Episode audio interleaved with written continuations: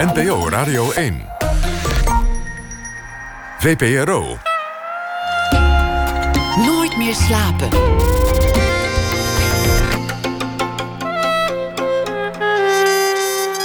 Met Elvie Tromp. Welkom bij Nooit meer slapen. Straks na half twee hoort u een nieuwe aflevering van de podcast De Man is Lam, waarin Rashif El Kaoui de prangende vragen over het man zijn onderzoekt. En komend uur zit tegenover mij, dus tot een uur of half twee, regisseur Benson Boogaard. En ik kan wel zeggen dat hij een van de meest productieve regisseurs van de Nederlandse filmgeschiedenis is. Ik zou dit uur kunnen vullen met het simpelweg opnoemen van de werken die hij op zijn naam heeft staan.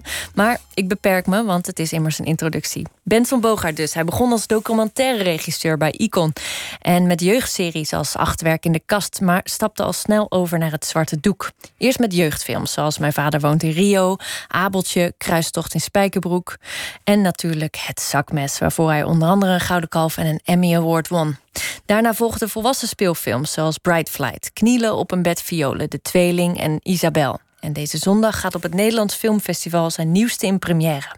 Rafael, een liefdesverhaal dat zich afspeelt te midden van de vluchtelingencrisis en de Jasmijnrevolutie in Tunesië. Ben, welkom. Ja, dankjewel. Heb je geteld hoeveelste keer uh, NFF is het dit uh, jaar voor je? Hoeveelste keer NFF? Uh, nou, niet alle films gingen altijd in première bij het Nederlands Filmfestival. Dat, doe je, dat doe je dan liever niet omdat je dan een beetje kan ondersneeuwen in de enorme hoeveelheid van films die er dan gepresenteerd worden. Uh, dit jaar doen we het wel. Dat is wel heel leuk. We hebben wel een speciaal plekje met heel veel voorstellingen. Maar hoeveelste keer? Ik ben er wel heel veel geweest. En ja, ik heb heel veel speelfilms maar Ik weet niet hoe vaak ik daar nou geweest ben. Dat, uh, ik ga er ook kijken als, uh, als ik uh, zelf niks heb draaien hoor. Dus. Wordt het. Ben je nou nog zenuwachtig voor een première? Of is het gewoon another day at the job inmiddels? Nou, het is niet een other day of the job. Het is, het is, het is veel gedoe eigenlijk. Oh ja? Ben je niet een man van feestelijkheden? En, nee, niet echt. Bitterballen dus, en kijk, champagne? Nee, nee ik, ik, moet dan... Ja, in veel gevallen moet je een mooi pak aan. En dan moet je ook wat gaan zeggen. En op het eind moet je dan al die mensen gaan bedanken. En dat... En, dat, dat, dat, vind, ik best een beetje lastig. Je moet ook iets gaan... Ja, ik vind het wel heel leuk om al die mensen weer terug te zien... maar je krijgt niet de gelegenheid om met ze te praten. Die hele zaal zit vol, er zitten er 800 mensen in Tuschinski of zo. En, dan, en, en, en, een heleboel hebben er aan meegewerkt. En die, die wil je eigenlijk allemaal wel even weer spreken... maar uh, dat, dat, dat lukt niet. En, en, en zenuwachtig voor hoe die film zal vallen... dat ben je op zo'n avond ben ik dan niet. Ik heb hem al heel veel gezien... Uh, ik zit eigenlijk, ja, probeer rustig te kijken en te denken van, nou ja, nog is de laatste keer dat ik hem nu zal zien. En dan de komende vier, vijf jaar zal het wel niet meer zo zijn. En dan uh, nou, probeer ik er toch een beetje van te genieten en te horen en te voelen hoe het publiek uh, erop reageert. Ja, dus je bent toch wel bezig met je omgeving. Heb je een beproefde methode, een soort uh, ritueel wat je doet? Voor zo'n première? Ja, of een, uh, een nee, ik laat het, gelukshanddoek of nee, nee, nee, nee, ik laat het gebeuren. Ik laat me gewoon maar... Uh, er is een, een schema, er is een soort... en dan er zijn allemaal aardige gastvrouwen en heren. En dan laat ik me maar meeslepen. Als regisseur ben je gewend om het zelf altijd allemaal te regelen en in de hand te hebben. Maar op, bij, bij het uitbrengen van een film, bij zo'n presentatie, bij zo'n première. Dan denk ik, ja, uh, ja dat, daar zijn andere mensen heel goed in. En ik, ik doe wel wat ze van me vragen. Dus ik heb, en ik, ik, ik ja, ik, ben, ik, ik, ik ken wel regisseurs, Frans Wijs, die vertelt mij vaak, die heb ik vaak gesproken over premières. En dat vindt hij ongeveer het meest erge wat er is. Die is echt letterlijk ziek. Die, kan, die gaat overgeven. Die, loopt ook, die durft ook niet in de zaal te blijven zitten. Die gaat in een cafeetje zitten. Uh, die, die, die gaat er aan dood. Nou ja, dat, dat heb ik niet. Ik heb het gevoel, die film is af. Ik kan er niks meer aan doen. Hij gaat uit. En we zien wel wat er gebeurt. Een soort nuchtere gelatenheid. Ja, een soort gelatenheid kan je, ook wel, kan je het wel zeggen. Ja, je kan toch niks meer doen. Ik kan wel daarna nog op een soort tournee langs bioscoop in Nederland uh, Q&A's doen. En, uh, en, en, en nou, veel ja, met, met, met, met, met pers, uh, met ja, radio, televisieprogramma's erover praten. Dat vind ik wel leuk, dat helpt. Uh, maar ja, ik, aan de film zelf kan je niets meer doen. Die is af. En, uh, ja. ja. Nou, we gaan het uh, ook volop hebben over je nieuwe film. Maar we zitten hier nou eenmaal een uur. Dus het leek me wel leuk om ook bij het begin te beginnen. Terugblikkend nou. naar waar het allemaal begon. Wat was eigenlijk de allereerste film die je zag... die een indruk op je maakte? De, de, de film die waarvan ik echt weet dat die indruk maakte, waarbij ik ook gehuild heb. Dat was een film van Danny Kay en die ging over een meisje of zoiets. Die, die, die, die, die, die, was ziek en die ging in een soort zo'n beademingsmachine. Ik weet niet meer hoe die heet, maar ik ben daar met mijn ouders toen naartoe gegaan. Hoe oud was je? Ik, ja, ik denk een jaar of tien, twaalf of zo. En dat vond ik heel imposant. Ik had daarvoor wel heel veel andere films gezien hoor. Ik woon in Amsterdam ik altijd gewoond. Ik ging met mijn vader naar de Cineac, ging naar de Dik en de Dunne, naar Charlie Chaplin films. Eh, dus, en, ik, ja, en ook naar kinderfilms, in de liefde. Maar echt de eerste keer dat ik gegrepen werd door een film was die film. Ik weet niet eens meer hoe die... Oh, iets met pennies, met pennies. Ik weet niet meer hoe die heet. Five pennies. Nou, ben dat vergeten. Maar dat was... Ik, ik was toen echt ontroerd. Ik was geroerd. Dat ik echt... Uh, ja, en, en, en, later heb ik daar wel eens aan teruggedacht. En toen, toen ik, dat, ja, dat het gek is dat, dat een film mensen zo kan aangrijpen. Ik, ik heb ooit een film gemaakt, mijn vader woont in Rio. Dat was eigenlijk mijn eerste grote speelfilm. En, en, die, en die was afgelopen. Het was in, in, in Cinema International in Amsterdam. Eh, het was een voorstelling voor, voor medewerkers, een soort voorpremière. En net voor de film was afgelopen, was ik naar buiten gegaan, stond ik in de hal. En toen ging, ging, uh, gingen de deuren open, er kwamen de mensen naar buiten. En toen hadden die mensen zakdoekjes in hun handen. En die waren, nou ja, zoals ik toen bij die film van Danny Kay, die waren ontroerd. En dat was ik, dat vond ik zo gek. Was dat niet je intentie? Dat, uh, nou ja, later dat merk je dat je. Ja, dat, dat is wel zo natuurlijk. Dat, dat, dat je wil een verhaal vertellen. En, en, en, en het verhaal dat doet mezelf iets. Dat vind ik belangrijk om aan andere mensen door te geven. Maar dan ben je ook met een vak bezig. En dan vergeet je af en toe waar je echt mee bezig bent. En dan en is dat stuk is klaar, die film is klaar. En dan, en dan moet, moet ik eigenlijk een stapje terug doen en dan gaan kijken wat heb ik eigenlijk gemaakt. En dat zie je dan doordat mensen uit die film komen. En ja, dan heeft het gewerkt. En dan, dat, is gek. Dat is wel de bedoeling. Maar ja, ik, ik, ik ga niet van tevoren denken... nou, nu moet ik die mensen hier aan het huilen krijgen... of ik moet ze daar aan het lachen krijgen. Nee, ik vertel een verhaal wat ik zelf belangrijk vind... wat ik mooi vind. En dan hoop ik maar ja, dat, uh, ja, dat, dat, dat, dat, dat het gaat werken. Dat mensen er wat mee doen. Dat, dat ze er wat aan hebben. Dat ze het, uh, ja, dat ze erop gaan reageren. Ja, vandaag de dag heeft uh, elke puber wel een, uh, een camera ook op zijn telefoon... en zit zichzelf en anderen de hele dag te filmen en te editen... en nou ja, eigenlijk uh, minifilmpjes te maken. Ja. Um, dat was in jouw puberteit natuurlijk wel anders. was filmen ook misschien een iets minder toegankelijke... misschien etherische kunstvorm? Van hoe kwam je bij de film of bij het theater? Dat was toch iets magisch, lijkt me. Hoe... Um, hoe kwam jij bij de, bij de film op de filmacademie?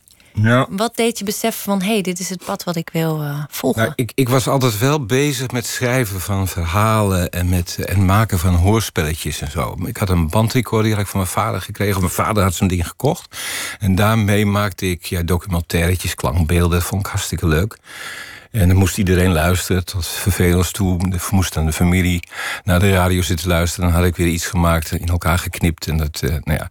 ik, ik vond het wel leuk om, om iets te laten horen en te zien wat ik zelf had gemaakt. Deed je dat dan zelf inspreken of maakte je opnames ja, ik knipte en ik presenteerde het en ik, sprak het in. En ik maakte uh, hele domme radioprogramma's met uh, als discjockey. En uh, ik deed van alles. Maar dat was ik echt zo, zeg maar een jaar of 9, 10, 11, 12 zo. En dat werd op een gegeven moment wat serieuzer met die, met die, met die, met die, met die radiodingen, met die klankbeelden. Ik was ook geluidsjager, zo heet dat. Heette dat. Dan, ja, dan uh, is een vereniging en dan maak je mooie klankbeelden, hoorspellen, uh, ja, documentaires voor de radio. Nou, dat was altijd wel een, hobby van me. En, uh, toen, toen werd ik wat ouder en, en toen ja, ik denk dat ik een jaar of 16, 17 was. En, en toen was er in Amsterdam had je de, de, had je de Filmliga. Dat was van Jan, Jan, Jan Blokker van Handelsblad. En die programmeerde op vrijdagavond of zaterdagavond, dat weet ik niet meer. Laat na de reguliere filmvoorstellingen in Studio K en in Criterion. Jan Blokker was filmrecensent. Hij werd later ook hoofdredacteur bij de VPRO. Ja. Ja. En, die, uh, en, en, en, die, en ja, dat was een man met echt heel groot hart voor film. En, en die liet dan films zien, die programmeerde films, hele bijzondere films, cultfilms, uh, historische films. Ja, films die, ja, die, die die je niet in de normale theaters zag. En daar, ging ik dan naartoe. Bijna elke vrijdag of zaterdagavond laat. Om een uur of half één. Één uur begon dat. En, en soms draaiden ze dan twee films. Dan kwam je om vier uur uit, uit de bioscoop. Nou, het waren altijd waanzinnige ervaringen. En, en in diezelfde tijd was ook zo'n beetje de, de, de opkomst van, van, van, de, van de Franse cinema, de, Nouvelle Vague, van de nieuwe Franse cinema en van de, van de Italiaanse, neorealisme. En dat waren niet dat ik die films waardeerde om hun cinematografische kwaliteit of zo, maar de sfeer, daar was ik heel ontvankelijk voor. Want ik was toen nog maar 17 of zo, 18. Was je dan deel van een klein groepje of was, zat die zaal helemaal afgeladen vol?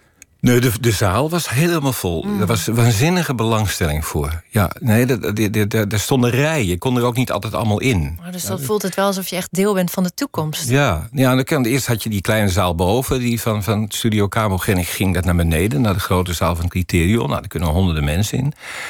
Ja, dat, ja, dat, dat, je zag ook hele bijzondere dingen. En, en, en daar kreeg ik wel het gevoel van ja, film maken. En dan een beetje gecombineerd met wat ik altijd deed. Dat, en toen ben ik naar die filmacademie gegaan.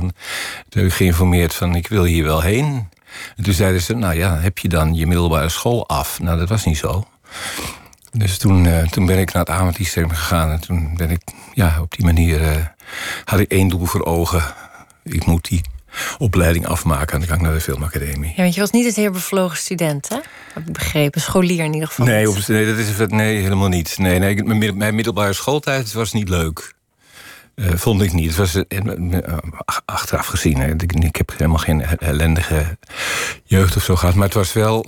Uh, ja, ik, ik, heb, ik heb op heel veel verschillende scholen gezeten. Uh, en dat, uh, nou, ik was daar wel behoorlijk eenzaam, denk ik. En niet omdat je ouders verhuisden, maar omdat jij eraf werd gegooid. Ja, omdat ik niet zo. Op de lagere school deed ik het altijd hartstikke goed. Dan had ik allemaal 8, 9 en 10 en zo. En toen kwam ik op de middelbare school. En daar, ja, ik weet niet waarom, maar daar, daar ben ik nooit, heb ik nooit uh, kunnen aarden. Ik, uh, ja, het was ook wel een beetje raar, realiseer ik me nou. Want ik, je had op de, middel, op de lagere school ik leuke vriendjes met wie ik optrok. Maar mijn juf, wat best een heel aardige juf was, juf de Jong die vond eigenlijk dat ik dan niet met die vriendjes naar die scholen moest waar zij naartoe gingen. Zij gingen naar het ballet en nog een paar andere scholen. Maar eh, zij zei: Ja, jij bent een, een, kind dat een beetje lastig zich concentreert. Je bent of wat anders. En toen stuurde ze mij naar een school waar niemand van mijn klas naartoe ging. Dus ik zat opeens in mijn eentje op het Ingenieur Lely Lyceum. Dat was een vreselijke tijd. En, en, en, en, en, ja, en daar ging het niet. En toen werd ik weggepromoveerd naar, naar MULO. En dat was nog veel erger. En, uh, ja, en, en, en, en, daarna ben ik dus, omdat ik naar die filmacademie wilde, ben ik uh, in het avondlyceum ben ik alles gaan afmaken. Maar ik vond, vond, ik vond, vond, vond van middelbare school, ja, ik vond ook vaak. Ja, het werd ook echt absoluut niet. Ik werd niet gestimuleerd om, om, om het leren leuk te vinden. Dat, dat was echt niet zo. Nee. nee. Kreeg je dat niet van huis uit mee? Jawel. Jawel, maar ik, mijn, mijn, vader vond het wel heel belangrijk dat ik het, uh, dat ik het goed... Ik moest het wel goed doen. Ja, ik kan me zorgen dat dat voor veel uh, clashes heeft gezorgd. Een frictie thuis. Ja, ik denk, nou ja, zoals heel veel. Als je, als je 5, 4, 12, 13, 14 bent... En, uh, ja, dan, dan, dan probeer je een beetje je eigen weg te gaan, denk ik. En, en mijn vader had daar andere gedachten over. Dus dat waren, dat waren best. Ja, hij was teleurgesteld, denk ik, af en toe wel. Dat het, hij had het zelf, eh, hij had zelf eh, wel graag een middelbare school willen afmaken. Hij was kantoorbediende en was een beetje ja, niet zo heel erg tevreden met, eh, met, met, met zijn positie. Met het aanzien ook wat hij dan eigenlijk zou willen genieten. En hij hoopte dat ik het dan beter zou doen. En omdat ik natuurlijk op die middelbare school helemaal onderuit uh, ging. Ja, dat vond hij een ramp. Dat vond hij heel erg. Dat vond hij heel, heel naar. Ja. Hij was, hij was daar. Uh, Ja, hij wa- was daar behoorlijk. eh, ja, ja, hij schreef ook. In, dan bleef ik weer zitten en dan werd- ik weer van school gestuurd. En, dan- had hij op, in mijn kamertje op de muur. schreef hij eh, een spreuk. Dat was dan. eh, je, eh, ik, ik, eh, ik kan het, want ik wil het. Zoiets was het volgens mij. Nou, dat, daar moest ik dan elke dag naar kijken. Ja, dat was, dat, Een soort ja. juk van inspiratie. Oh. En, en, en, en het was echt. En ik kan me ook nog herinneren dat. dat je moest. Ja, ik was toen ge, ge- ge- eh, gedegradeerd van, van, van de HBS naar de MULO. En het was helemaal niet leuk. Ik was daar ook echt. Ja, ja, ik fietste naar, naar school meteen in mijn eentje naar huis. En ging daar thuis maar een beetje zitten spelen met allemaal dingetjes die ik wel leuk vond. En die school vond ik helemaal niet interessant. Het werd wel nog een soort toen schoolkrant opgericht. Maar dat is het enige wat ik daar gedaan heb, geloof ik. Maar toen, nou, dan moest je. Moest je eh, ben ik met mijn moeder moest ik naar de. Naar de, de schoolarts. Want dan, als je dan dus eh, ja, zoiets mee had gemaakt. dat je terug werd gezet van de middelbare school. van een HBS naar een MAVO of naar een MULO. Dan gingen ze aan je vragen. En dan moest je naar een dokter. En dan gingen ze kijken hoe het met je ging. Een soort voorloper van de maatschappelijk werk. Ja, en, en, en ik kan me nog herinneren, nou, ik voelde me echt ontzettend kut op die school. Ik was echt ongelukkig, weet ik zeker. En toen ging ik met mijn moeder naar die, naar die, naar die man toe. En eh, ik had toch ergens een soort vaag gevoel van, nou ja, misschien, ja, misschien gaat dat, eh, gebeurt er iets of zo. En toen kwam ik bij die man en die, en die vroeg alleen maar hoe ik het vond nu op die nieuwe school. En, en ik dacht, nou, dan gaat hij verder vragen. Ik zei, nou ja, ja, ja, ja, ja, wat zeg je dan? Hè? Dan kan je Ja. niet zeggen, nou, ik vind het vreselijk. En je moeder zit ernaast, dus je wil je goed dus- houden. En die man die, nou, die knikte vervolgens en er gebeurde niks. Toen dacht ik, wat ben ik hier wezen doen? En achteraf ben ik daar eigenlijk heel erg boos over geweest. Ben ik boos geworden op dat soort instanties die, ja, die, die, die kinderen moeten helpen om, eh, ja, om een stapje verder te komen, om een beetje zekerder van zichzelf te worden. Ik ben ook boos geworden op allerlei leraren en onderwijzers eh, op, zo, op die scholen, omdat ja, ze, eh, niet alleen mij, maar heel veel mensen gewoon. Maar ja, die, die, die, die, die weten wel iets van hun vak, maar die weten niks van lesgeven. En dat heb ik later een beetje. ja, dat heb ik wel. Die, die, die, die, beetje die boosheid heb ik wel gebruikt eh, als ik met mijn eigen kinderen naar hun school ging om met die docenten te praten. En dan zat ik altijd vrij kritisch naast mijn kinderen, want die moesten altijd mee naar die oudere avonden van mij. Naar die ouderspreekuur ging ik naast die kinderen zitten kijken naar die, naar, die, naar die meesters en naar die leraren. En dan dacht ik, dat is er ook zo een die eigenlijk helemaal geen les zou moeten geven aan kinderen. Dat, eh, dat heb ik toen wel meegekregen uit mijn eigen, uit mijn eigen schooltijd. Ja. En boos op je ouders? Nee, niet echt boos op mijn ouders. Ik snapte het wel. Ik begreep wel waarom mijn vader dat. eh, maar ja, op dat moment niet achter. Ik, dat weet je eigenlijk niet, hè? Waarom? Maar Ik denk dat het. Ik was, nee, ik was niet echt boos. Toen niet boos op mijn ouders. Nee, zeker niet. Ik, ik, begreep, ja, ik begreep wel waar- waarom hij. waar- waar- waarom hij zo reageerde. Ja. Ja, ja, ja.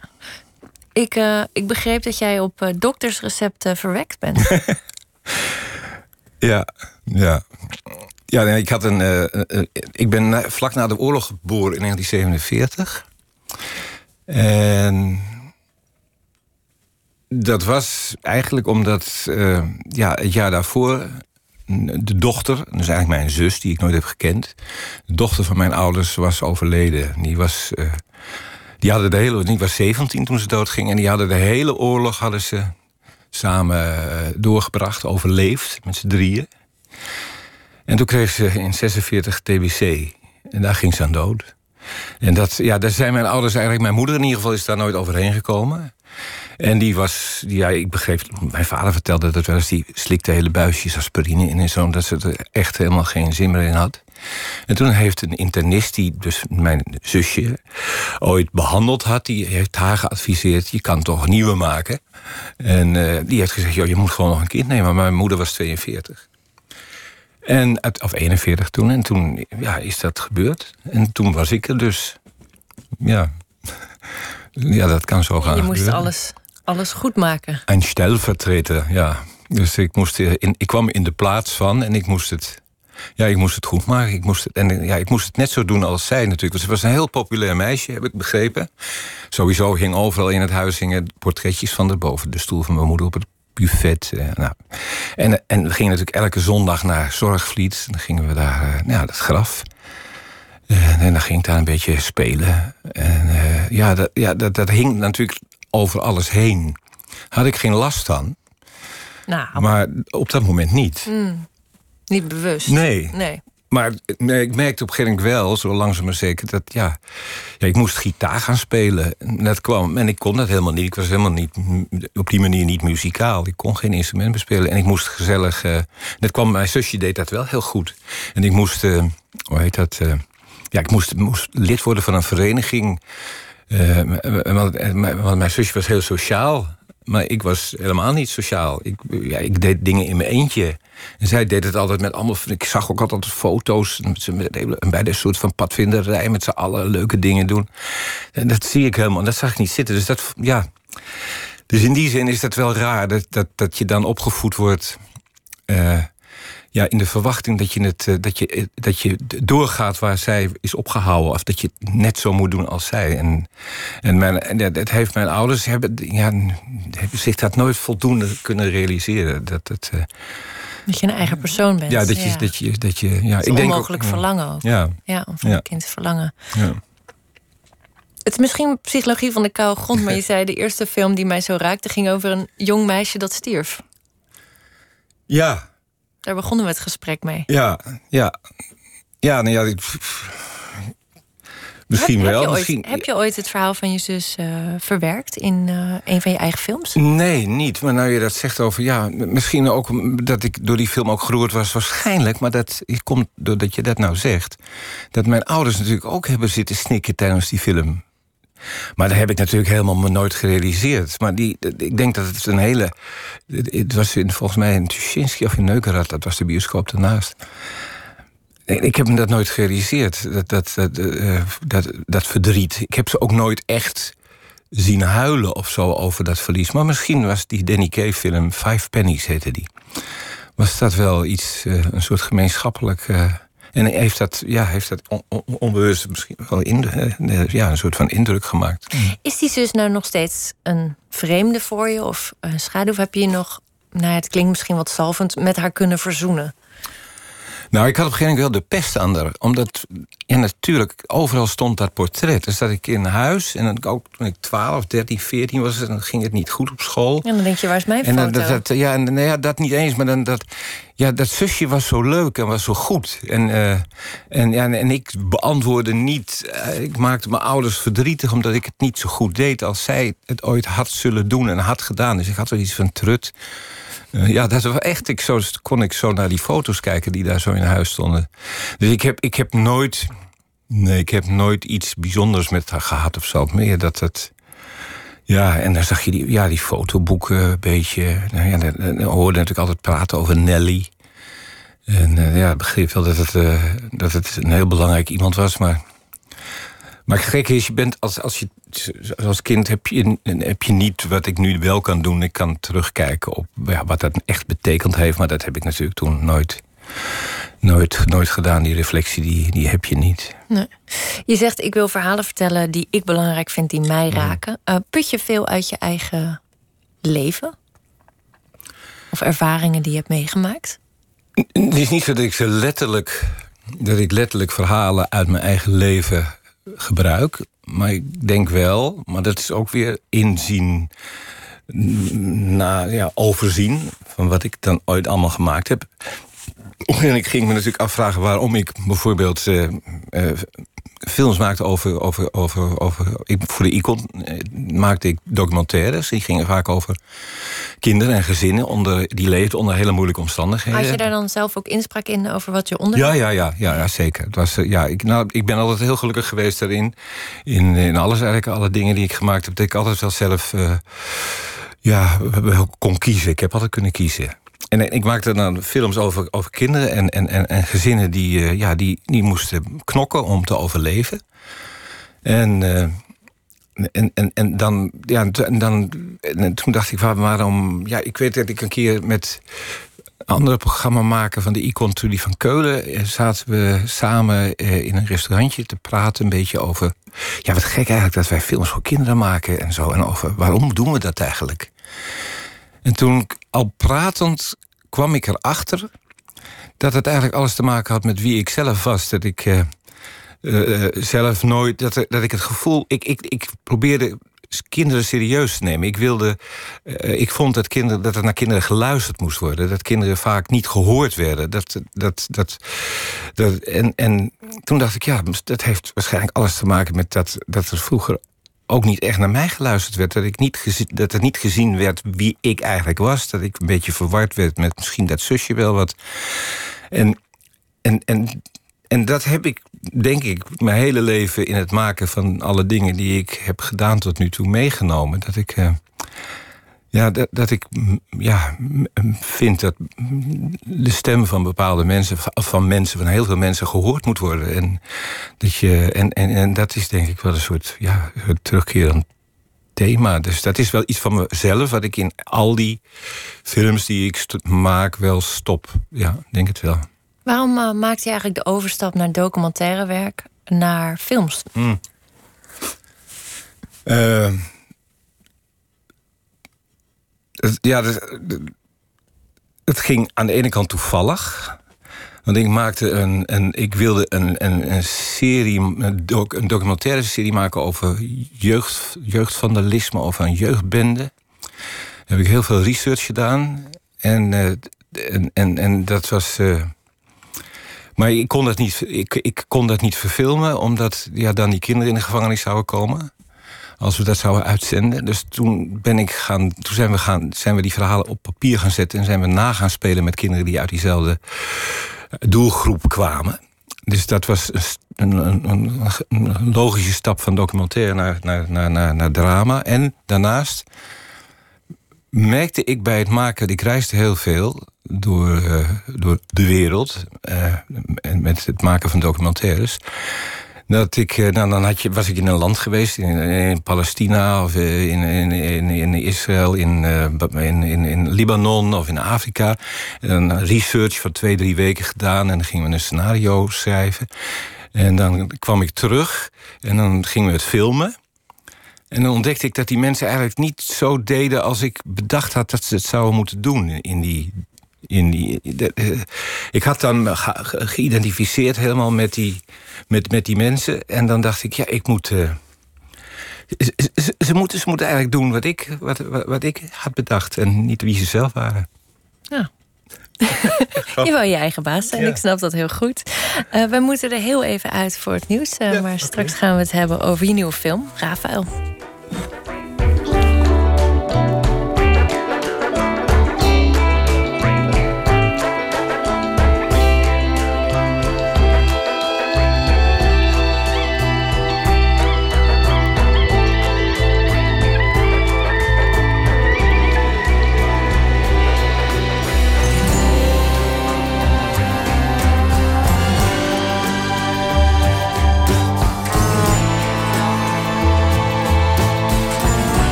Radio 1.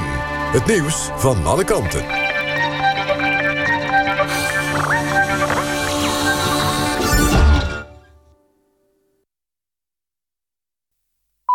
1 uur, Lieselot Thomassen met het NOS-journaal. President Trump heeft de FBI opdracht gegeven om aanvullend onderzoek te doen naar rechter Kavanaugh, zijn kandidaat voor het Hoge Rechtshof. Dat onderzoek moet binnen een week zijn afgerond. De Senaatscommissie voor Justitie heeft Kavanaugh voorgedragen als kandidaat voor het Hoge Rechtshof, maar de Senaat stemt pas over zijn benoeming als het FBI-onderzoek is afgerond. De voordracht van de conservatieve republikein volgt een dag na de openbare hoorzitting die werd gehouden omdat een vrouw een beschuldigt van aanranding toen ze 15 was. De politiek zal keuzes moeten maken om het doel van het klimaatakkoord te halen, zegt het Planbureau voor de Leefomgeving. In 2030 moet Nederland minimaal 49 procent minder broeikasgassen uitstoten ten opzichte van 1990, zo staat in het regeerakkoord. Maar Nederland hangt onder in de lagere middenmoot van landen die hun broeikasuitstoot terugdringen. Tot 2016 is die in Nederland afgenomen met 12 procent. In Ravensburg in Duitsland heeft een man met een vleesmes mensen op straat aangevallen. De aanvaller is opgepakt. Het is een asielzoeker van 19 uit Afghanistan. De slachtoffers zijn twee Syrische asielzoekers van 19 en 20 en een Duitse man van 52. Het is niet duidelijk of de dader de drie kent. De politie heeft geen aanwijzingen dat het om een terroristische daad gaat. De KNSB blijft de trainingsgroep voor topschaatsers zonder ploeg financieel de rest van het seizoen ondersteunen. Zodra schaatsers en coach een ploeg hebben gevonden, houdt die ondersteuning van KNSB en NOC-NSF op. Bij de start in juni bestond de groep uit elf rijders. Zeven daarvan zijn nog altijd op zoek naar een geldschieter. Het weer. Vandaag, vannacht daalt de temperatuur naar 1 tot 6 graden. Hier en daar is kans op vorst aan de grond. Kan ook mist ontstaan. Overdag wisselen bewolkt. Het blijft droog en het wordt een graad of 15. Dit was het NOS Journaal. NPO Radio 1. VPRO. Nooit meer slapen.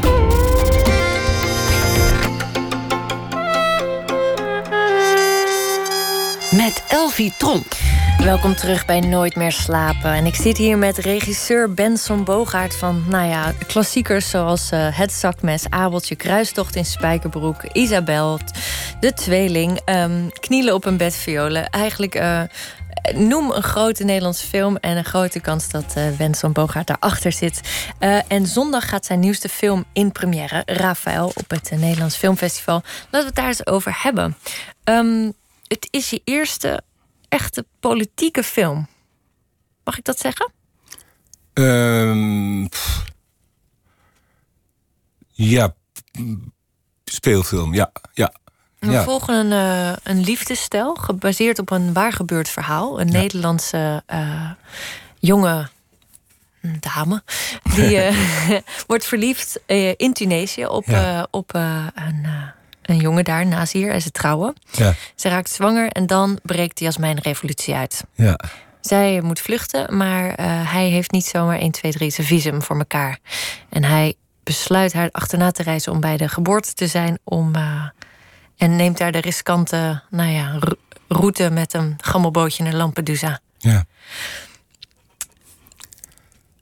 Het, uh, het is een film over het Europa van nu. Ja. En het, uh, het, het, schetst niet al te rooskleurig uh, beeld. Mm, nee, het is iets wat je. Waar, ja, wat, wat, ik zat net toevallig nog weer te lezen over al die vluchtelingen die nu naar Spanje toe gaan. Het, het, het is, het is nu al tientallen jaren ontzettend uh, schrijpend actueel. en, en is het, ja. Wat, wat, ik niet wilde was een, uh, een hele treurige, treurig verhaal vertellen. Maar doordat we, we kwamen dit verhaal tegen, of Jelle Nesna, de, de, de, de, man die het uiteindelijk bedacht heeft om die film te gaan maken, die het zaadje geplant heeft. Die had op de, dat is de, de, creative producer van, van Rinkelfilm, die heeft het ooit bedacht. Hm. En Jelle die, die, die had op televisie gezien uh, twee mensen, of één, een, één vrouw. Dat was, dat was Winnie. En die, uh, die, die vertelde het verhaal dat haar man uh, ja, ergens op Lampedusa zat. En dat ze hem naar Nederland wilde halen. En ze was zwanger. En die was een hele nuchtere en dat was een hele, kapster. Ja, ja, en het was een Nederlandse kapster. En die, en, en, en, en, en die, die, ja, die is een gevecht begonnen om die man uh, naar Nederland te krijgen. Die, die, is een gevecht tegen windmolens begonnen. Tegen de bureaucratie, tegen Fort Europa. Ja. In, je, in je kinderfilms zit uh, vaak uh, toch de strijd van een eenzaam kind... Mm. tegenover volwassenen die niet naar hem luisteren. En ik zie in je volwassen films toch wel nou ja, de, de volwassen mens die moet vechten tegen het systeem. Ja, nou ja dat, dat, ik denk dat, dat, dat daarom dat verhaal me aansprak. Die, die twee mensen, ook, ook uh, Nizar, dus onze film heet die Nazir... en Kimmy uh, heet, die, heet de vrouw in onze film... ja, dat die ja, uh, niet, niet gewapend met enige kennis... hoe je zoiets moet aanpakken maar gewoon gemotiveerd en met het gelijk aan hun zij. Ja, die, gingen het gevecht aan om bij elkaar te mogen zijn, om samen een kind op de wereld te mogen zetten onder veilige omstandigheden. Dat we, en dat was een heel mooi verhaal. Is een heel, het was een romantisch verhaal, maar wel in een, in een afgrijzelijke arena met vreselijke gebeurtenissen. En ja, dat, ik vond het verhaal. Ik dacht op een gegeven moment, ja, als ik die film ga maken, kan ik al die tienduizenden vluchtelingen, al die mensen die die boottochten hebben gemaakt, die, ja, weg, die een veilige haven zoeken, die kan ik een gezicht geven. En, uh, en, en, en daarom ben ik die film gaan maken. Je hebt ook samengewerkt hè, met uh, vluchtelingen als acteur ja. deze keer. Ja, nou ja, dat was, dat was echt een waanzinnige ervaring. We, we hebben. Uh, de hoofdrollen werden gespeeld door acteurs. Mm -hmm. uh, maar daaromheen hadden we. Uh, ja, we, we, hebben een heel kamp gebouwd. Uh, Lampedusa-kamp. We zijn met een echte boot de zee opgegaan. We hebben. We zijn door uh, ja, zeg maar, Tunesische dorpjes gegaan midden in de nacht met allerlei mensen, met vluchtelingen. En, dat, met, met, met, en ja, daar hadden we mensen voor nodig, hadden we figuranten voor nodig. En, ja, die, en wij gingen de film, we draaiden de film in Kroatië. Daar hebben we alles gedaan, zowel Tunesië als Italië als Nederland. En, uh, maar, ja, maar we hadden Afrikanen en, en, en, en, en, en, en Noord-Afrikaanse mensen nodig... van allerlei kleuren en geloven. En die, ja, die, lopen, niet in, die lopen niet vrij rond in, in Kroatië. Dus, uh, via... Wat is dan de keuze voor zo'n locatie? Uh... Dat is praktisch, financieel, technisch. Okay. Ja, Want dan Italië is was niet zelf te duur of zo. Ja, in Italië wilden we het oorspronkelijk doen, maar financieel was dat niet betrouwbaar genoeg. We durfden we uiteindelijk niet aan. Uh, in Tunesië filmen, dat is heel lastig. Dat, dat verzekerd, wordt niet verzekerd. Want dat, dat is een land waar nog steeds uh, ja, uh, ja, waar, waar, wat gevaarlijk is. Dus je, dan, dan kwamen we uiteindelijk in Kroatië terecht, wat een, hele goede filminfrastructuur heeft. En, en, en, en, en daar hebben we en daar, ook locaties die. Ja, die heel goed Italiaans lijken of die heel goed Tunesisch lijken. Ja. En je werkte dus ook met vluchtelingen als ja. figurant. En je zei dat is heel bijzonder. Ja, en dat was Waarom? hartstikke bijzonder. Omdat we, nou, die, die zaten daar in hotels, in een soort opvangcentra. Dat waren die waren echt gestrand. vluchtelingen. Ja, die konden niet verder. Die wilden mm. Europa in en die bleven steken daar in, in Kroatië. Dat waren echte vluchtelingen. En, en van die eindeloze opvangcentra ja, en die, hadden, die je beschrijft ook. Ja, ja, of die, die, je wordt gezien in de film. Ja, precies. Die, en, en, die, en die zaten in die kampen. En, en, en die mensen die hadden wij, ja, die, die, die, die hadden wij nodig. Uh, maar we, we, hadden geen idee of die mensen het leuk zouden vinden, tussen aanhalingstekens leuk, om, aan, ja, om hun eigen verhaal na te spelen. Om met een bootje nog eens over zee te gaan. Of nog eens een keertje door mensensmokkelaars met geweren in hun rug... door steegjes te worden geduwd, eh, uh, geript te worden van, van hun sieraden... van hun geld, ja. van hun trouwringen van hun telefoons en in, tenslotte in kampen terecht te komen... waar ze gescheiden worden, mannen en vrouwen, kinderen. Een soort extreme traumaverwerking ja, toen dachten me dat. willen die mensen dat wel? Nou, die mensen die wilden dat. Die, die, die, toen wij ze leerden kennen, hadden ze, begrepen ze dat wij een verhaal wilden maken wat, wat, wat, ging over hun leven. En, en, en daar wilden ze aan meewerken. En, en dat, was ons, dat was echt waanzinnig. Dat, dat, dat dus acteurs daar. Het waren allemaal hele kleine rolletjes die ze speelden. Gewoon. We hadden de Tunesische familie, dat was een familie uit Irak. Uh, uit Bagdad, die waren gevlucht. En die, die, die, die gingen als familie, speelden die in onze film mee. Die kwamen op, op, op, al tegen toen ze eh, naar de zee in Tunesië liepen. Die kwamen we tegen toen de boot omsloeg. Die kwamen we tegen in het kamp in Lampedusa. En die mensen die, die speelden zichzelf met hun drie kinderen. En, ja, en, en zo waren er tientallen echt mensen die, die meededen. En dat, dat, dat, dat was een hele bijzondere ervaring. Voor de hoofdrolspeler trouwens, voor, uh, die, die, die, uh, die, had daar wel, die, die had het daar heel moeilijk mee. Waarom? nou, die, die, hij, hij, hij, sprak, hij, was, hij was zelf Marokkaans-Libanees. en sprak Arabisch. En als hij dan tussen al die vluchtelingen zat, tijdens het draaien en ook in de pauzes, dan kwamen zij met hun verhalen naar hem toe. Dus na een week. eh, trok hij niet meer. Ik, op een gegeven moment zag ik dat hij. Ja. begon te twijfelen of hij nog wel door wilde met die film. Omdat hij zich te geprivilegeerd voelde Hij tegenover voelde die zich mensen? geprivilegeerd. Hij, voelde, hij, hij had alles. Hij werd betaald. Hij zat in een mooi hotel. Hij had Mhm. een paspoort. Hij kon zo weer terug naar Nederland vliegen. Naar België. Het is een Vlaming. En ja, hij kreeg al die verhalen te horen van die mensen. Heb jij je daar schuldig over gevoeld? Veel minder. Ik was het ook meer gewend. Omdat je het bij het documentaire werk ook de mensen ik heb natuurlijk laten. vaak toch wel... En, en, maar hij, hij ging daar onderdoor.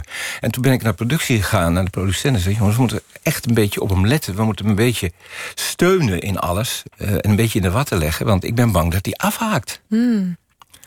Nabil, Nabil Malat. En, eh, en toen na een week, gelukkig... eh, Toen op een gegeven moment merkte ik dat, dat, dat het eigenlijk een stuk beter met hem ging. En toen vroeg ik, wat, Nabil, wat is er...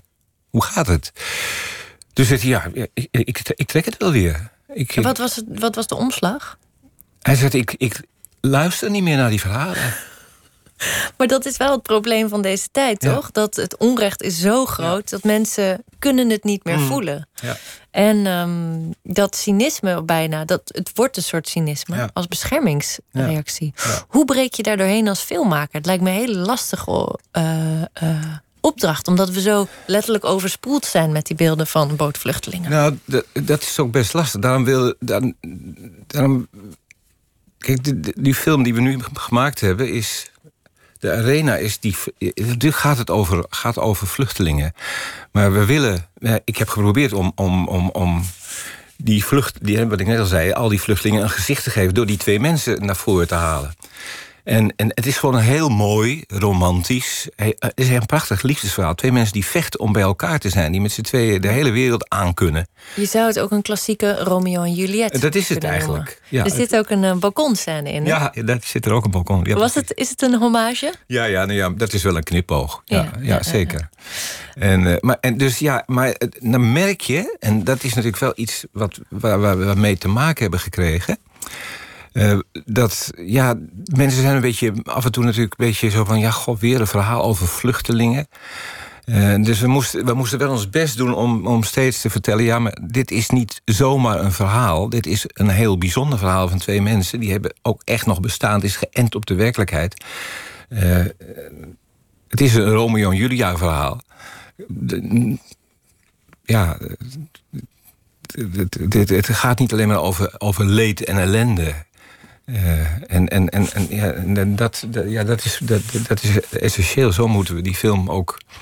Ja, zo, zo wil ik die film ook zien. Dat het, het is niet alleen maar een, het is niet een pamflet. Het is niet een, een, een gruwelijk verhaal. Het is een heel mooi, ontroerend verhaal over twee mensen. En uiteindelijk die samen een kind eh, op de wereld zetten.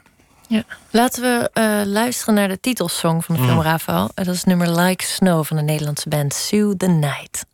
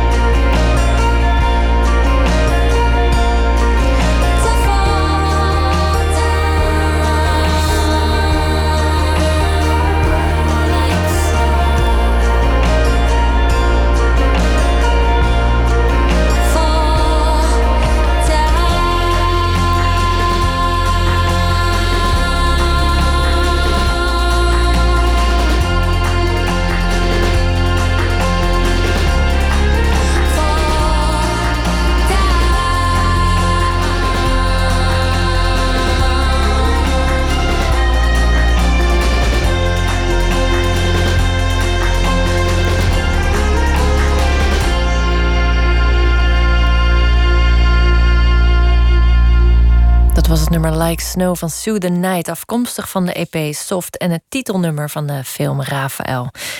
Um, en ik zit hier nu in gesprek met regisseur Benson Boogaard. En um, het is geënt op een waar gebeurd verhaal, maar er werd eerst een boek van geschreven door Christine Otte. Ja. Met de gelijknamige titel, Ja. Rafael. Ja. Um, het boek kreeg gemengde recensies. Hield dat je tegen? Nou, nee, kijk.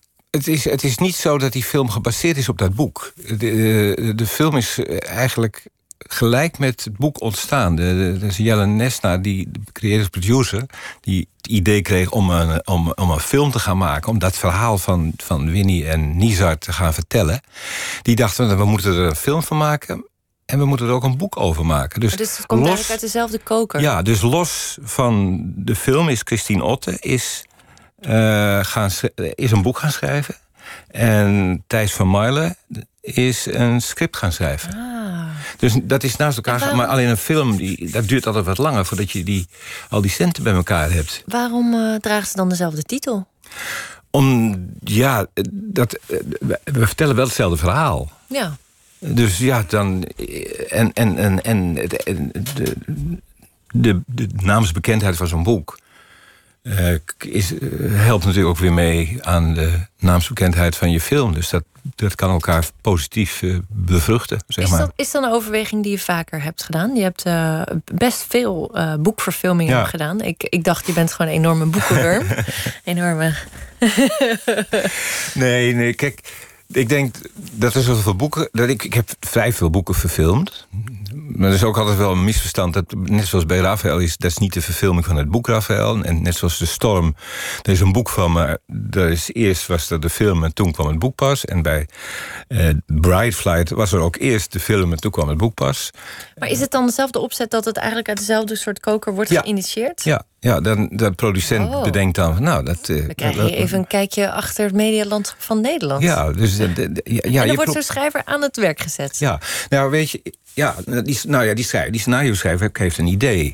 En die scenario schrijver gaat in eerste instantie het script schrijven. Ja, ik dacht gewoon heel naïef dat na Christine Otte gewoon dat eh, die, die Winnie een keer had ontmoet, die Nederlandse kapster. Of... Nee, de- de- de- die, die twee, Winnie en, en, en Nisa, die zijn bekend geworden door televisie. Onder andere staat bij Twan Huis in, in, in, in, een programma en nog meer televisieprogramma's en zo. Ze, die naam, zo, hebben zo is dat verhaal.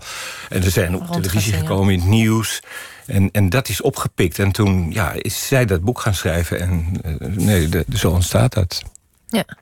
Er is eh, geen schrijver ehm, waar je zoveel van hebt verfilmd als Annie M.G. Smit. Hmm. Ik noem Abeltje, Pluk van de Pettenflat, eh Ibeltje. Ja.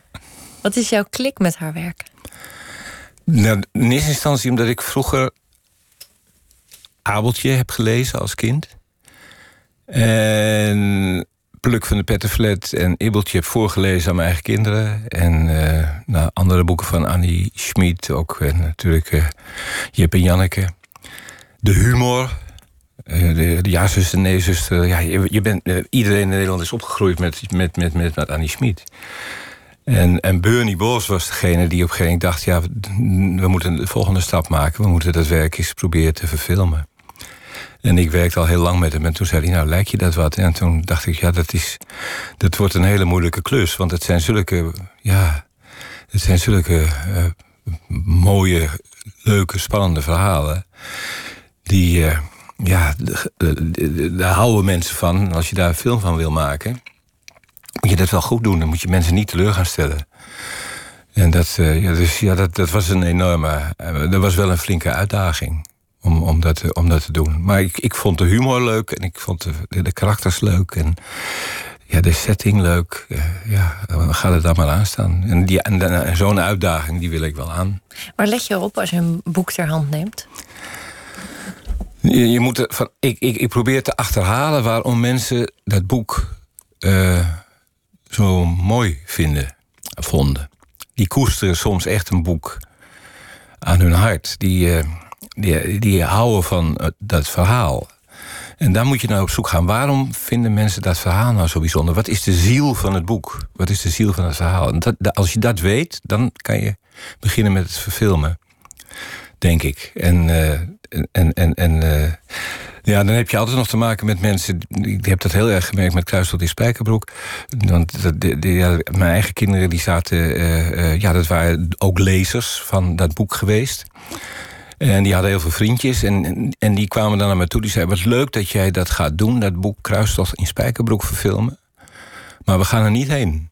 En toen zei ik: Oh, waarom niet? Nou ja, we hebben dat boek gelezen. Drie keer, vier keer. En dat zit in mijn hoofd en we hebben daar beelden bij. En als ik nou naar een film ga, en dat was ook wel met andere boeken gebeurd, dan wordt die fantasie van mij, dat beeld wat ik in mijn hoofd heb, dat wordt verpest. Dus ik wil die film niet zien. Ja. Hmm.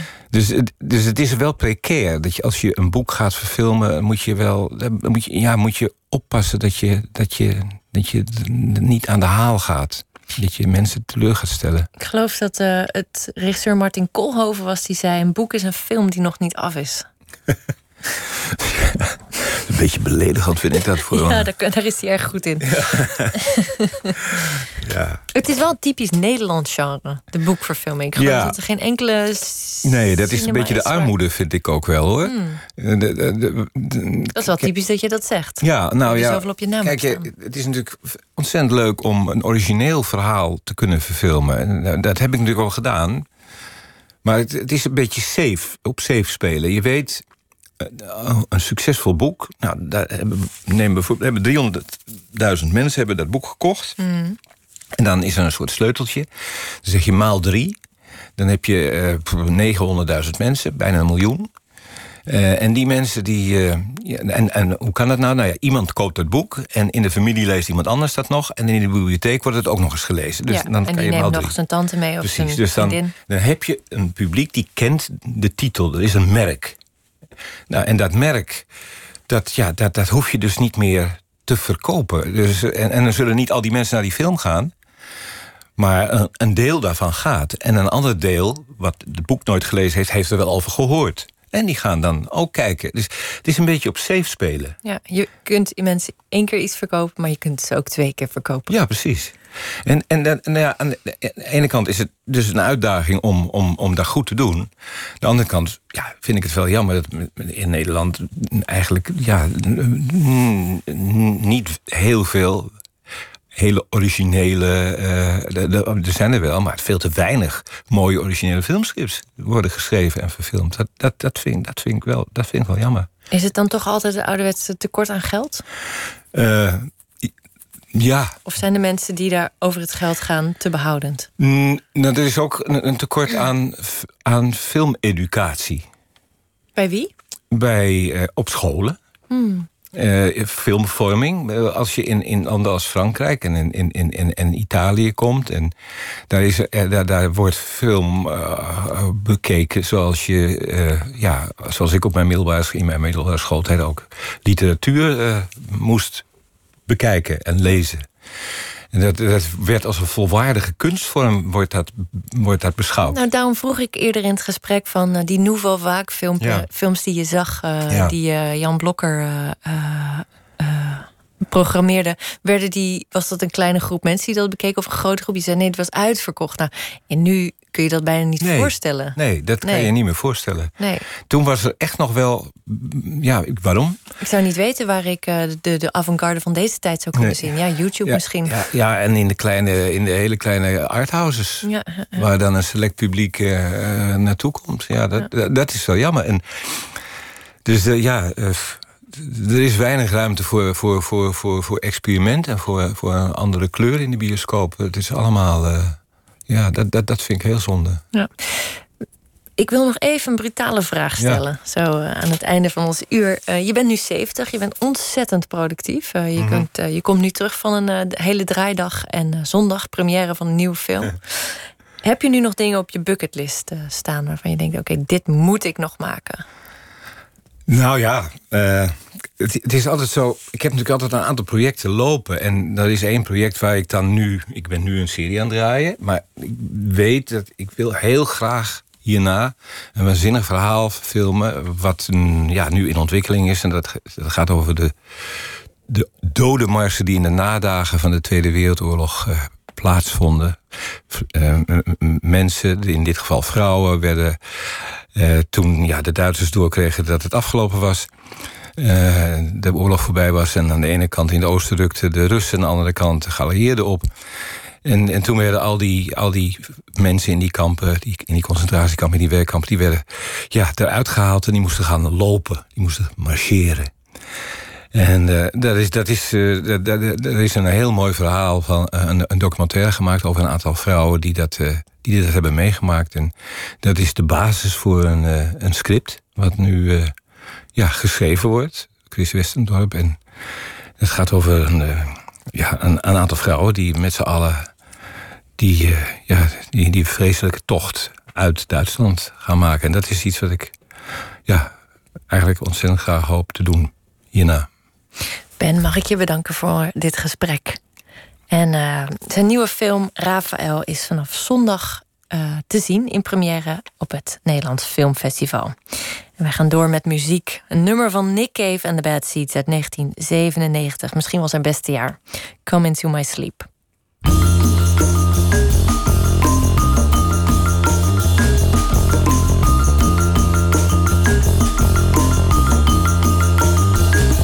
Now that mountains of meaningless words and oceans divide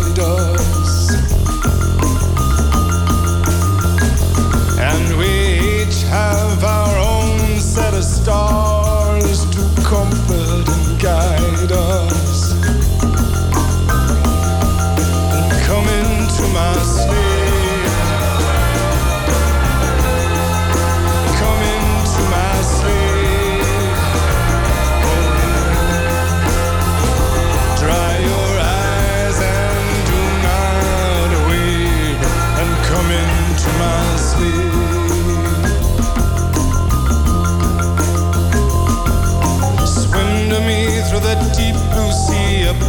Scattered stars set sail.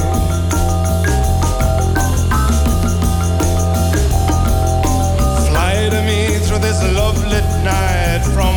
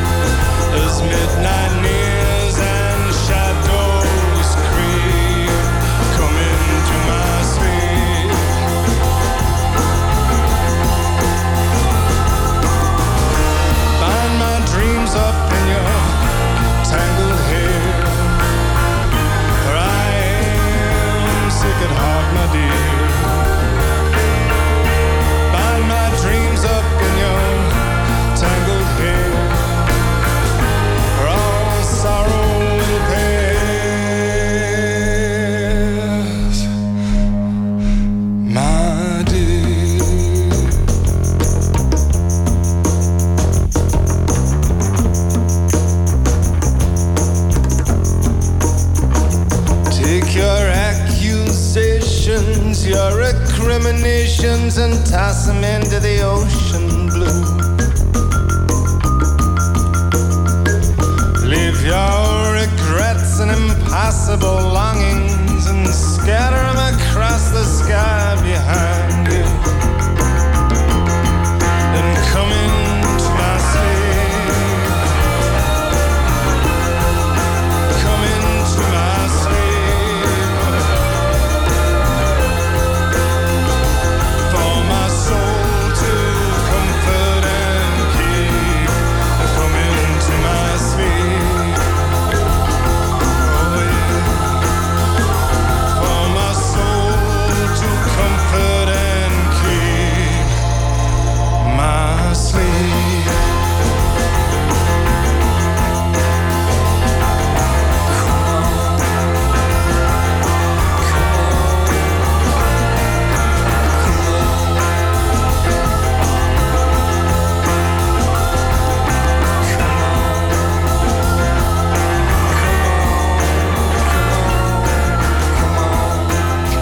Come Into My Sleep van Nick Cave. Nooit meer slapen. In de podcastserie De Man is Lam onderzoekt Rashif El Kaoui wat het betekent om in de 21ste eeuw man te zijn. Vandaag aflevering 9, waarin hij met Rob en Lot praat over het transgender verhaal.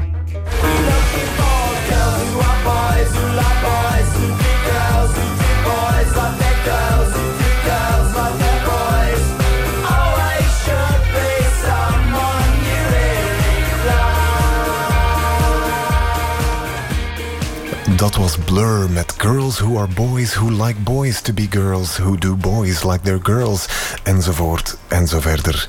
Hallo en welkom bij de Man Islam podcast. Mijn naam is Rashid Elkawi en ik zal u de komende afleveringen meenemen op mijn zoektocht naar man zijn en naar wat dat in godsnaam hoort te betekenen. Deze aflevering behandelen we een onderwerp dat we met het Man Islam project een beetje uit de weg zijn gegaan. Namelijk het transgenderverhaal. In de man-islam wilden we ons voornamelijk toeleggen op de man aan zich.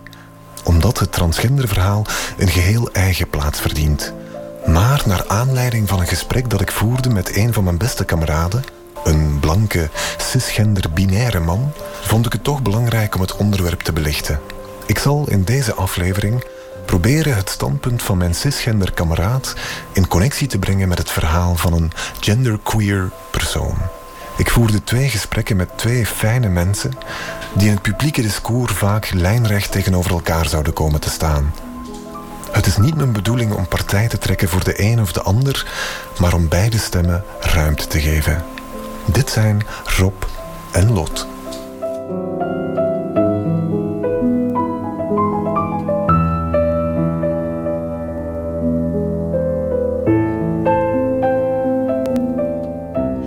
Ik, ik denk, of, of ik vermoed, dat als je mij vraagt... Wanneer, welk moment ik mijn man voelde, dat je vraagt op welk moment, op welk moment uh, ik mij met stereotypen die eigen waren aan het man zijn. Dan ga ik een heel cliché antwoord geven, denk ik. En een niet zo interessant antwoord, want dat is de eerste keer dat ik seks had gehad. Ja. En, en ik vind dat een gevaarlijke vraag, omdat dat de indruk geeft dat dat voor mij het vereenzelvigt met wat voor mij man zijn is. Maar dat is niet. Snap je wat ik naartoe wil? Het man zijn is voor mij zoiets dat, je kunt daar geen definitie op plakken. Dat uit zich alleen zijn insociaties. Dat is voor mij twee kanten aan dezelfde medaille. Eén kant van die medaille is uw man voelen. En de andere kant ervan is ook weten dat je een man zijt. Het feitelijk besef ervan. Het fysieke. Weet je, het, het, sappige ervan.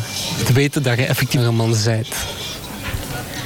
Ik weet niet of ik me specifiek een eerste keer man heb gevoeld. Maar wel dat ik me misschien voor de eerste keer niet een vrouw heb gevoeld. Want dat is misschien goed om te zeggen. Um, ik ben genderqueer. Dat betekent geen man en geen vrouw. Ja, er is één moment dat ik, dat ik me herinner. Ik denk dat ik me eerder dat ook al wel voelde. Maar wat ik herinner is op een moment uh, dat ik wilde gaan voetballen met mijn vriendjes. En dat opeens duidelijk werd dat ik dan niet bij hun in het team mocht komen. Omdat ik blijkbaar borstjes had. en dat vond ik. Ik kon me zo niet. Ik kon het niet begrijpen waarom ik dan niet bij hun in het team mocht voetballen. En ik denk niet dat dat het eerste moment is, absoluut niet. Maar ik denk wel dat ik vanaf toen ineens besefte van er is wel degelijk iets anders aan mij dan dat ik zou willen. Het is ook niet zo dat ik toen dacht, maar ik wil niet een meisje zijn. Dat dacht ik niet. Maar het was meer dat ik misschien besefte dat ik bij allebei de categorieën niet zo goed paste. Ik sta nogal sterk in mijn mannelijkheid. Ik ben, ik ben geen macho, maar zoals ik er straks zal liet vallen, bewonder ik de Don Draper figuur, bepaalde aspecten daarvan wel. Um, dus ik kan me er niet in vinden. Maar dat betekent niet dat je daar geen begrip of respect kan voor hebben. Dus ik, ik, ik, ik begrijp zeker dat er mensen zijn voor wie een genderidentiteit niet evident is. Of die twijfelen aan, aan hun rol in het leven. Of hoe zij in het leven moeten staan. Dat kan ik me inbeelden.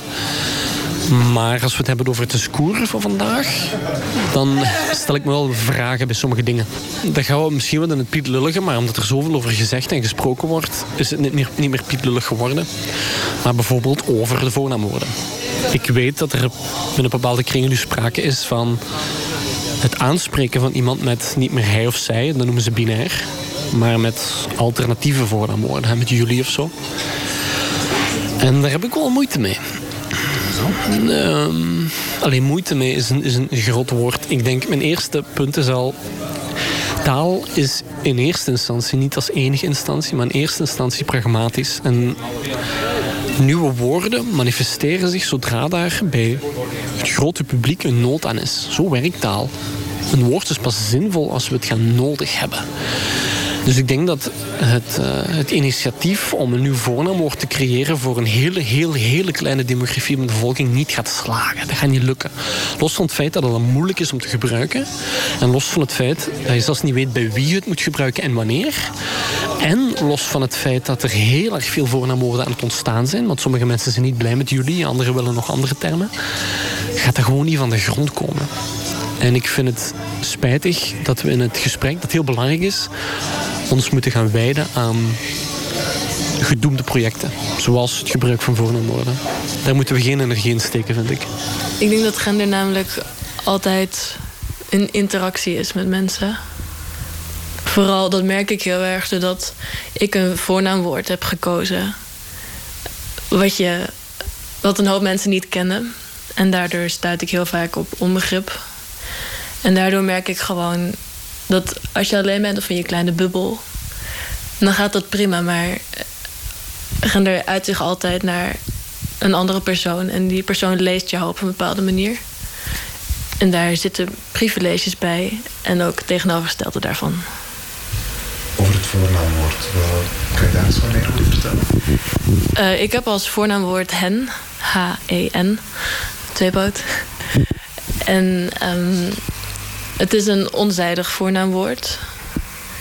Een hoop mensen ja, kennen het gewoon als de meervoudsvorm van aan hen. Of uh, ik geef deze brief aan hen, of weet ik veel. Um, maar bijvoorbeeld in Zweden wordt hetzelfde woord gebruikt. Ook voor non-binaire of transgender mensen. Het is gewoon zodat je geen geslacht hoeft te kiezen. Je gebruikt het als enkelvoud. Het is eigenlijk, eigenlijk redelijk simpel. Het is gewoon hij, maar dan met twee andere letters erachter. Het is echt exact hetzelfde. Alleen je moet gewoon even wennen aan de context. Je zegt bijvoorbeeld wel... en knoopt de veters van hun schoenen. Maar het is nogmaals, het is niet voor iedereen die non-binair is of genderqueer is het goede voornaamwoord. Ik denk dat je dat het beste aan mensen gewoon kan vragen. Van, hey, ik hoor dat je non-binair bent. Um, gebruik ik het goede voornaamwoord? Want sommige mensen gebruiken liever die of hun of zie. Of er zijn verschillende. Ik denk dat het het beste is om daar gewoon een gesprek te hebben, over te hebben met mensen. Ik vraag ook heel vaak aan cisgender mensen van... zeg ik het goed als ik nu hij zeg? En dat is soms even... vaak lachen mensen dan of je denkt... Uh, ja. Maar ik denk dat het heel belangrijk is om juist ook met cisgender mensen hier een gesprek over te openen. Want het is echt niet zo vanzelfsprekend dat je iedereen maar hij of zij kan noemen. Um, ik denk dat heel wat, ik ga nu alleen op transgenders houden, die, um, die alternatieve voornaamwoorden wensen. Waar het hun om, hun om gaat, is erkenning. Erkenning van hun individualiteit, van hun keuzes, van hun, van hun persoon zijn. En dat is een fundamentele kwestie. Daar, moeten we wel voorzichtig en zorgvuldig mee omgaan. Want uh, dan zitten we wel weer in hetzelfde team. Ik ben er wel om bezorgd dat iemand die transgender is zich volkomen geaccepteerd, veilig en door de band genomen, want er gaan altijd mensen zijn die u niet accepteren, maar door de band genomen geaccepteerd voelt. Die strijd wil ik wel voeren, maar met de juiste middelen, met het juiste doel. En zoiets als voornaamwoorden gaat ons daar niet bij helpen. Ja, maar wat voor iemand anders als een soort van kunstgreep voelt, is voor mij wel degelijk een noodzakelijkheid. Omdat ik mij vreselijk voel als ik mezelf de hele tijd moet aanduiden met een woord wat ik me gewoon helemaal niet, waar ik me niet mee kan identificeren. Als ik jou de hele tijd, hé hey meisje, um, wil ze nog wat drinken? Als ik de hele tijd jou zo zou aanspreken, ik denk dat je op een gegeven moment echt wel ongelukkig ervan wordt. Als de hele wereld dat doet en jij denkt gewoon, ja, maar ik heb toch een baard? ik heb toch een broek aan? Ik heb een lage stem, waarom noem je mij zo? Ik denk dat, dat, heel, dat mensen niet beseffen dat dat heel vervelend is.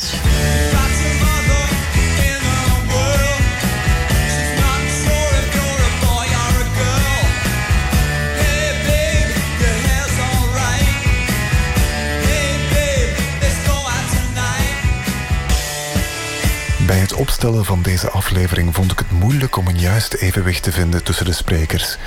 Je kan kiezen om te luisteren naar wat hun standpunten van elkaar onderscheidt, maar ik geloof dat het belangrijker is om te luisteren naar wat hen bindt.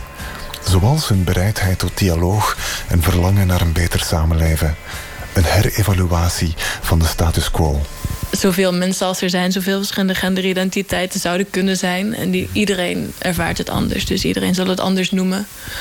Maar binnen mijn wereld um, past het beter om te zeggen genderqueer dan bijvoorbeeld uh, gender non-binair of non-conforming. Want dat is eigenlijk ook wat het is. Uh, genderqueer. Maar voor mij voelt het iets rebelser of zo om te zeggen genderqueer. Het is natuurlijk van oorsprong een scheldwoord, queer. En ik ben misschien wat recalcitranter ingesteld. dus ik vind het prima om te zeggen van... Uh, ja, ik kies niet tussen die twee uh, binaire opties. Maar je hebt ontzettend veel verschillende namen die je kunt hebben. Maar... Wat ik al gehoord heb over genderidentiteit... is dat er um, heel veel identiteiten of genderidentiteiten bestaan. Dat die zich op een oneindig spectrum bestaan. En daarom, daarom ook dat veel mensen vragen... Um, naar het gebruik van naamwoorden of verschillende naamwoorden. Ik heb al wel met iemand gesproken die ook zei... ja, er zijn oneindig veel identiteiten, hybride soorten... met allemaal een eigen benoemingen. Um, en die persoon noemde mij dan ook binair. En ik denk dat ze daarmee bedoelde iemand die gelooft dat er twee genders bestaan, man of vrouw. En ja, daar sta ik ook achter. Het was toen wel bedoeld als belediging, maar goed. Um, als ik dat zou moeten uitleggen waarom ga ik een analogie gebruiken. Om genderidentiteit te definiëren, gebruik ik de analogie met de term gezondheid. Gezondheid is net zoals genderidentiteit bijzonder moeilijk te definiëren, tenzij we kijken naar de instantiaties van gezondheid. Met andere woorden, als we kijken naar gezonde mensen en ongezonde mensen. Er is niemand die volkomen gezond is. Net zoals er niemand die volkomen ongezond is. Maar er zijn wel bepaalde objectieve kwaliteiten die we kunnen toekennen. Waardoor we weten dat sommige mensen gezond zijn, of eerder gezond zijn, of heel gezond zijn. En sommige eerder ongezond, of heel ongezond. We weten goed genoeg welke kwaliteiten we kunnen toekennen om een van die twee binaire keuzes te maken. En ik denk dat genderidentiteit ook net zo werkt. Je kan inderdaad meer als man identificeren, minder als man. En meer als vrouw of minder als man. Maar nog altijd zijn er bepaalde, niet alleen biologische kwaliteiten, maar ook gedragskwaliteiten die we kunnen toekennen, waardoor iemand eerder mannelijk of eerder vrouwelijk kunnen kwalificeren. Ik vind die schaal vreselijk achterhaald. Ik denk natuurlijk, um, je hebt mensen die zich daarop thuis voelen. En dat is super fijn, maar die mensen zijn cisgender. En dat ben ik gewoon niet. Cisgender betekent dat je je goed voelt in je gender waarin je bent geboren. Um, en als niet-cisgender persoon kan ik me totaal niet verhouden tot die schaal. Want dan zou je van de een naar de andere kant kunnen gaan, maar zo, zo voelt het gewoon niet voor mij. Um, ik zou, weet ik veel, een cirkel eromheen zetten of erboven ergens iets. Dat zou ik gewoon het liefst niet invullen. Um, want ik denk niet dat er zoiets bestaat als echt die twee uitersten waar iedereen in past. Al denk ik wel dat hokjes niet per se verkeerd zijn. Want bijvoorbeeld, ik denk dat het heel nuttig is om bijvoorbeeld van jezelf te kunnen zeggen: ik ben transgender of juist ook ik ben cisgender. Ik denk echt dat het belangrijk is om te kunnen praten met mensen, dat je weet waar je staat. Maar dan moet het wel een zelfgekozen hokje zijn. En ik kies er heel duidelijk voor om dat zelfgekozen hokje genderqueer te laten zijn.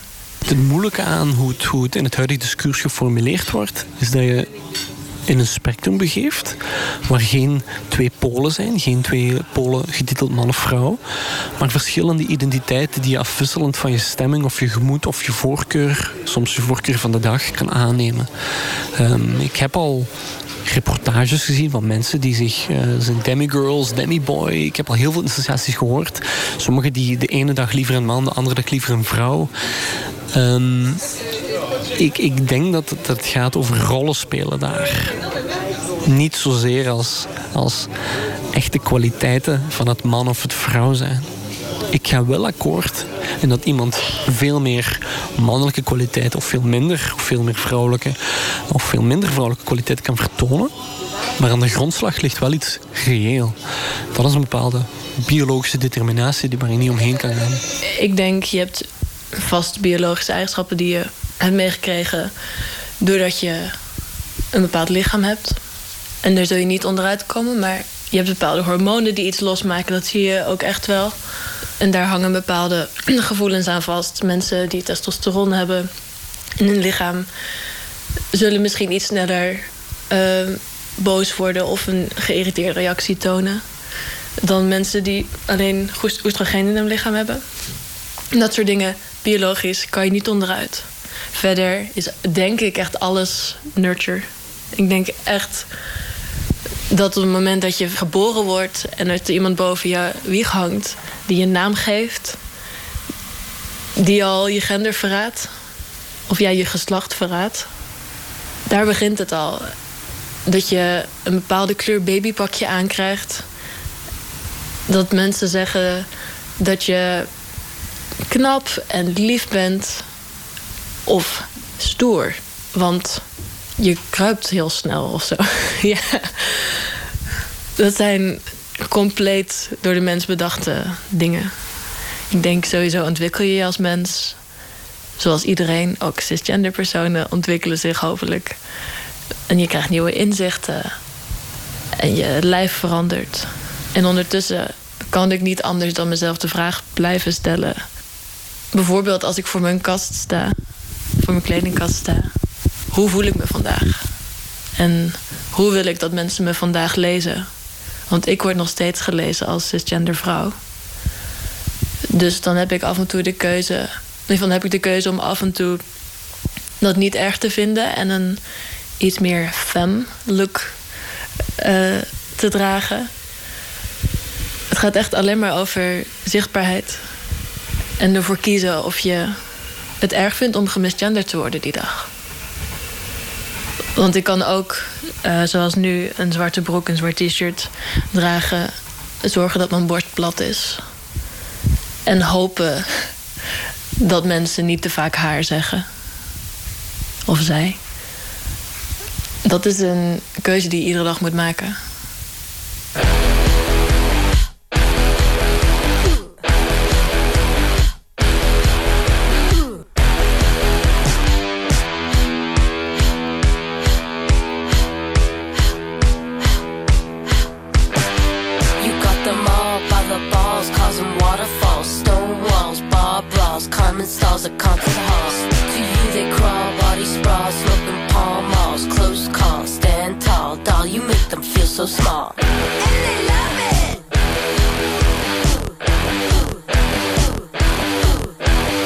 Op het moment dat ik vragen stel aan mezelf over mijn eigen identiteit, wat ik met heel veel trots en liefde doe, um, zegt dat in ieder geval.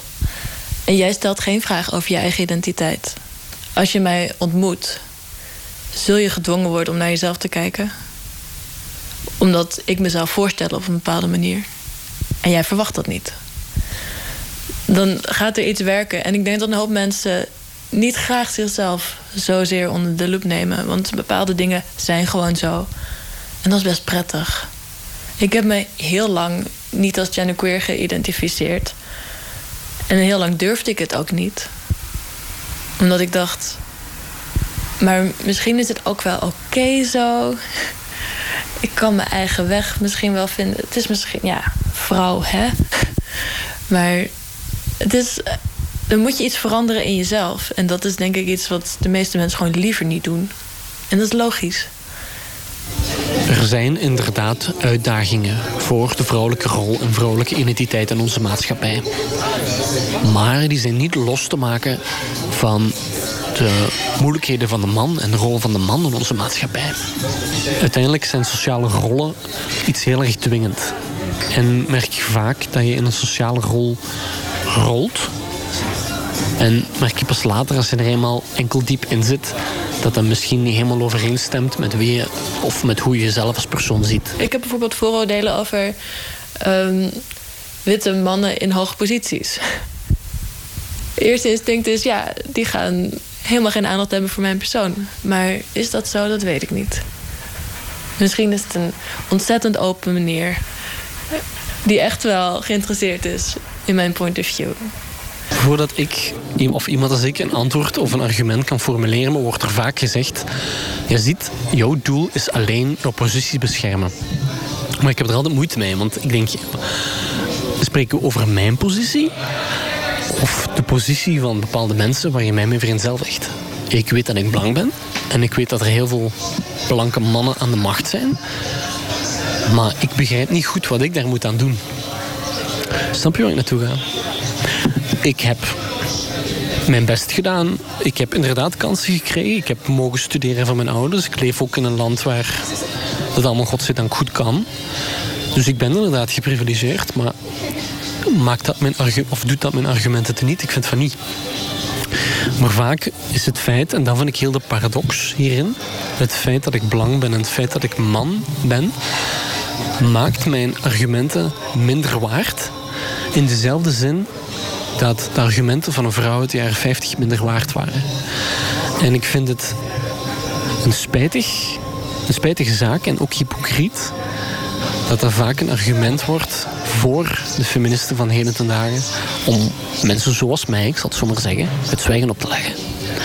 Ik denk juist, is dat niet net wat wij willen bestrijden? Dat we zeggen, jij bent blank, dus je mag niks zeggen. Of jij bent man, dus je mag niks zeggen. Of jij hebt privileges gehad, dus je mag niks zeggen. Toch juist wat we willen tegen vechten, denk ik dan. Ik snap wat het doel ervan is. Hè? Men wil een machtsverschuiving. Daar heb ik geen probleem mee. Maar het wordt heel moeilijk om een gesprek te voeren als alles wat jij zegt in het licht wordt gezien van het bewaren van uw machtspositie. Snap je? Dus alles wat ik zeg wordt twee keer omgedraaid wordt in het licht gehouden. En wordt uiteindelijk gelezen als een wanopstaat om mijn positie met mijn sigaar en cognac drinkende kameraden in een kwaadaardige toren te bewaren. En ja, dan is het heel moeilijk om iets zinnig te zeggen dan. Hè? Ik begrijp dat als je iedere dag wordt gemisgenderd en iedere dag als een token trans person wordt uitgenodigd om ergens te spreken en wanneer je naam verkeerd wordt gezegd, op het, of verkeerd wordt gedrukt als je iets publiceert, als je verkeerd wordt aangesproken, jaar na jaar, dag in dag uit, op een gegeven moment word je gewoon ontzettend boos. En op een gegeven moment trek je gewoon niet meer. Gewoon als er nog iemand overheen komt en je denkt van... op het moment dat je denkt, nu kan ik mijn verhaal vertellen... en dan blijkt het weer niet zo te zijn. Natuurlijk word je dan boos. Ik denk niet dat het altijd helpt. Maar ik denk wel dat het een teken is dat het op een heleboel plekken nog niet op een goede manier wordt besproken. Ik denk dat boosheid een manier. Het is de eerste stap van helen. Ik denk dat het.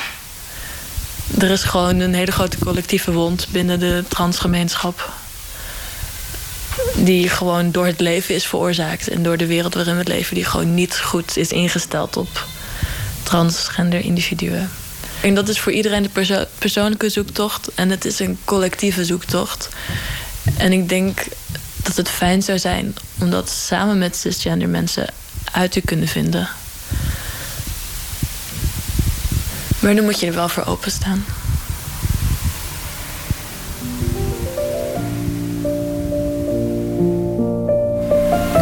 Zoals u waarschijnlijk gemerkt heeft, is mijn zeemzoete stem grotendeels afwezig in deze aflevering. Voornamelijk omdat ik de weinige tijd die een podcast beslaat wilde invullen met de spreker zelf. In de volgende aflevering, en tevens het slot van deze reeks, ga ik verder met mijn eigen vaderverhaal. Bedankt voor het luisteren en tot een volgende keer. Grow up, I'll be a beautiful woman. One day I'll grow up, I'll be a beautiful girl. One day I'll grow up, I'll be a beautiful woman. One day I'll grow up, I'll be a beautiful girl. But for today, I am a child. For today, Deze podcast werd geschreven en verteld door Rashif El Kawi en geëdit door Cresumé. Deze podcast is een onderdeel van het project De Man is Lam. Een zoektocht naar man zijn in theater, fotografie en radio. En werd gecreëerd door Rashif El Kawi, Lucas de Man en Ahmed Polat. Dit project komt tot stand met de steun van Stichting Nieuwe Helden, stageset van Theater Zuidplein, het Zuidelijk Toneel en VPRO Nooit meer slapen.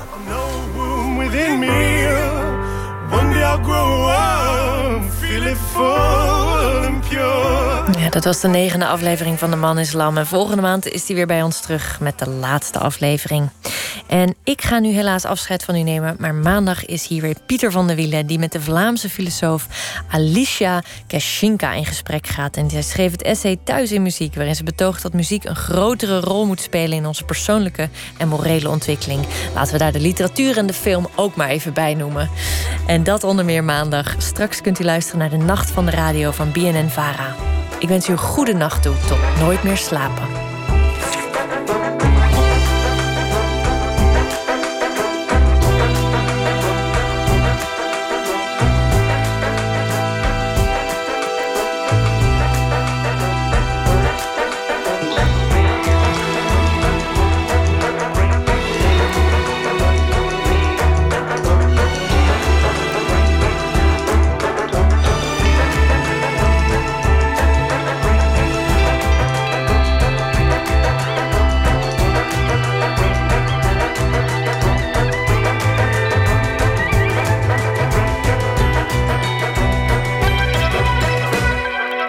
Radio 1, het nieuws van alle kanten.